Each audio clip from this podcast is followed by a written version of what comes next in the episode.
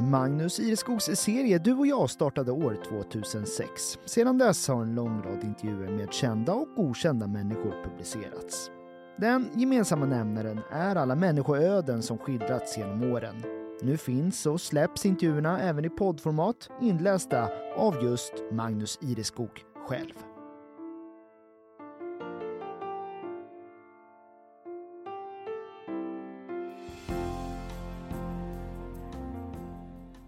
Erik Eckerdal är nytillträdd biskop för Visby stift. En vänlig och inkännande man. Men på hockeyisen, där hände det att han visade sig ut för en slashing. Men också att han frälste sitt lag. Vi tog med kyrkans man till Visby ishall. Ja, det var länge sedan han sist åkte skridskor, biskopen. 9-10 år, men en gång i tiden var ishockeyn hans liv. Så när det föreslås att ta lite bilder i Visby ishall är han inte sen att tacka ja. ja. Då är det väl lika bra att göra det ordentligt så man får klämma iväg några skott, säger han. Och så blir det pang smack och ett brett leende på läpparna. Någon vecka tidigare i februari 2013 har det i samband med intervjun fotograferats i Visby Sankta Maria domkyrka, färdig 1225. Ett landmärke och ett ståtligt rum för tro och tankar. Det milda ljuset lyste upp altare och Kristus där uppe på sin bjälke, bildligt på väg i sin himmelsfärd. Här har livet hänt genom århundradena. Här har människor kommit och gått hädan. Han har för all del ett arbetsrum också, biskop Erik. Med skrivbord, mötesbord med plats för åtta och några lokaflaskor och glas för den som händelsevis blir törstig. Men domkyrkan är ändå hjärtat för en kyrkans man. Men det fanns alltså en annan tid då helt andra ljus lyste på Erik Eckerdal. De svängande lamporna över uterinken i Nälden till exempel. Vi pratar om det i den här intervjun. En del kyrka och ämbete också förstås, men det kommer han med tiden att få prata om i så många andra forum. Så den här gången inleder vi med ishockeyspåret. Ty det är en av de världar han är kommen ur. En gång i tiden spelade han faktiskt, eller kanske mest tränade, hockey i såväl Sudrets HC som Visby AIK. Det var i skiftet 90-00-tal, efter hans regelrätta satsning då han under fyra år på Gotland arbetade inom Terranova-kyrkan men också pluggade och jobbade en termin som lärare på Sankt Hans. Erik växte upp i Jämtland, i lilla orten Mattmar vid E14 mellan Östersund och Åre. Runt 500 invånare fördelade på stationssamhälle och kyrkby.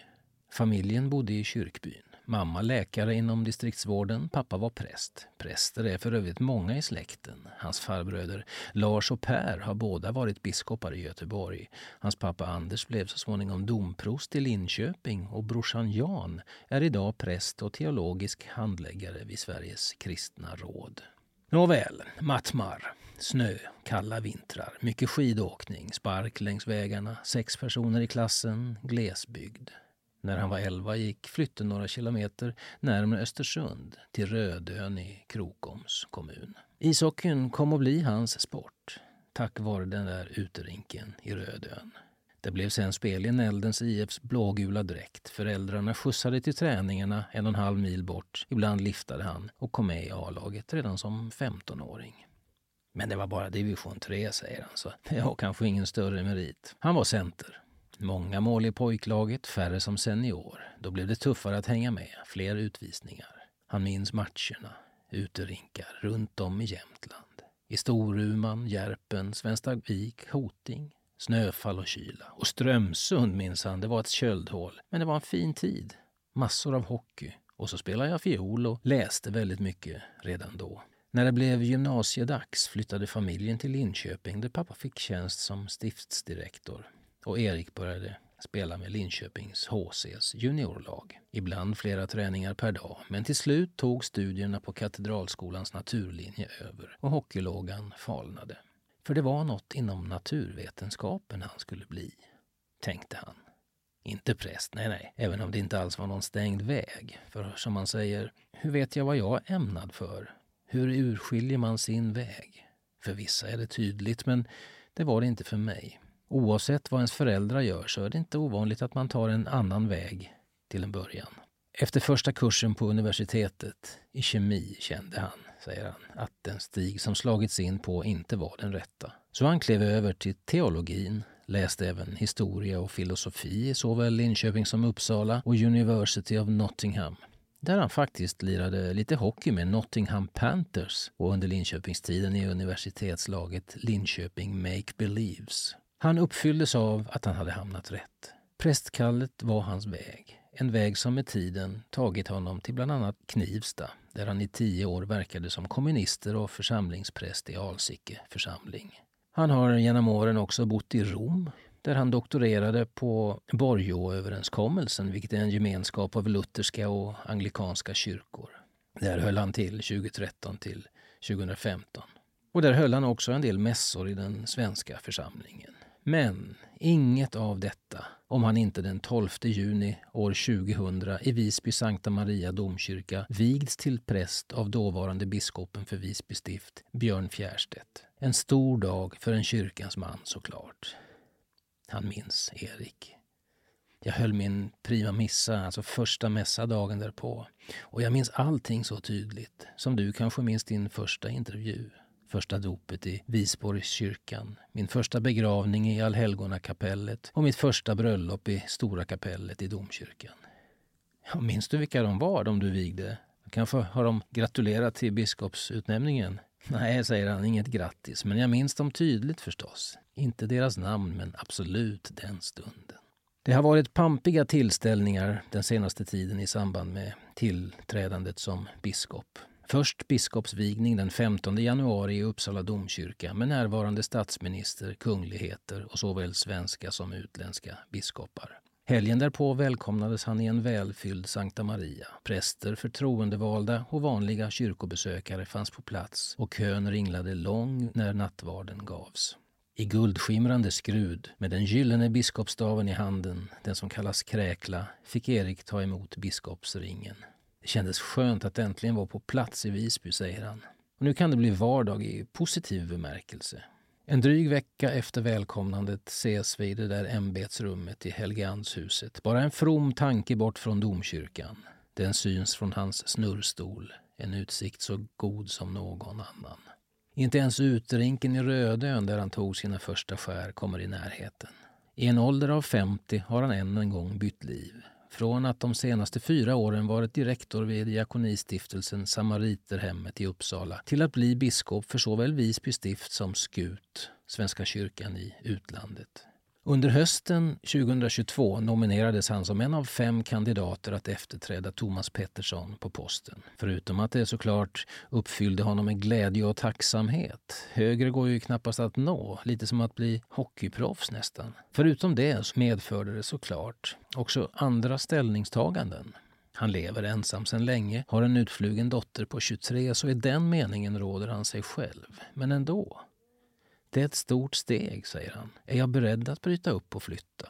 Och vad är det i så fall jag ger mig in på? Det är ett större uppdrag än jag tidigare haft och dessutom mer publikt. Alla förändringar i livet kräver trots allt en del eftertanke. Men han lät livet hända. Och den 10 oktober var valets olika steg klara och där stod han med flest antal röster av alla, 76 procent. Bara att rikta fokus mot en ö i havet och börja packa. Gotland är alltså ingen ny plats för honom. Bakom sig har Erik fyra år på ön runt millennieskiftet, 1997 till 2001. Det var då han var församlingsassistent i Terranova-kyrkan, Sankt Hans-lärare och sen alltså vigd präst. Så mycket har han lärt sig som människa genom prästyrket. Han har arbetat med papperslösa, med missbruksvård, själavård, dopsamtal, sorgehussamtal, vård, omsorg. Det där är också kyrkans uppgift, att finnas för dem som behöver och vara relevant mitt i samhället. Ja, att vara del i att så många som möjligt blir den de är tänkta att vara och bli. Jag har fått stor insikt genom att jobba med missbruksvård. De kämpar med samma sak som vi alla gör, även om det i deras fall är en kemisk drog. Det vill säga, hur finner vi som människor frid, gemenskap och bekräftelse? När en människa upptäcker bönen har det betydelse för ens utveckling, menar han. När vi söker oss inåt öppnas vi samtidigt utåt, mot andra. Samhället skulle se mycket annorlunda ut om fler hittade denna möjlighet. Det är hans övertygelse. Att landa i Visby är på ett sätt alltså som att komma hem. Inte hemma, men hemtamt. Hemma i Jämtland, Uppsala och Skåne där mamma kom från och där barndomssomrarna tillbringades. Men han känner miljöerna och blir hela tiden, vart han vänder sig på Gotland, påmind om öns långa och närvarande historia. Här hade han också sin första tid som präst, inte oviktigt i utvecklingen som såväl människa som yrkesperson. Nu har han ett helt nytt ämbete och en helt ny värld i och med Skut att sätta sig in i. Mycket av den första tiden har gått åt till att lära känna folk och arbetsuppgifter. Under senare år har det varit turbulent på många plan inom kyrkan på Gotland men Erik har mest blicken riktad framåt. Min roll är att leda stiftet. Det måste ske i samarbete med andra i såväl formell som informell mening. Jag ser ingen anledning att titta bakåt. Jag ser hellre på det som är här och nu och framåt. Det har han sagt i tidigare intervjuer och säger så alltjämt. Men nu tillbaka till Visby ishalls is. Ivrig är han inför vårt korta ispass. Jag som knappast är någon isprins och han som har kunnandet inom sig. Ja, allting man gjort mycket av, även om det är länge sedan, sitter ju i kroppsminnet. Jag kan känna den där känslan än och det här var verkligen kul. Det hade aldrig hänt om inte du övertalat mig. Faktum är att biskopen sen vi bestämt tid i ishallen skaffat en helt ny hockeyutrustning inköpt till vrakpris på fastlandet. Så därför är hans fråga heller inte oväntad. Vet du om det spelas någon veteranhockey på Gotland? Jo då, Erik, det gör det. Och du ska få kontaktuppgifter dit. Och till dig, du som lyssnar här, du som nästa gång kanske träffar biskopen med vit krage eller rent av mitra och kåpa. Tänk honom med hjälm och damasker och att han en gång i tiden tryckte in motståndarna i sargen så det brakade.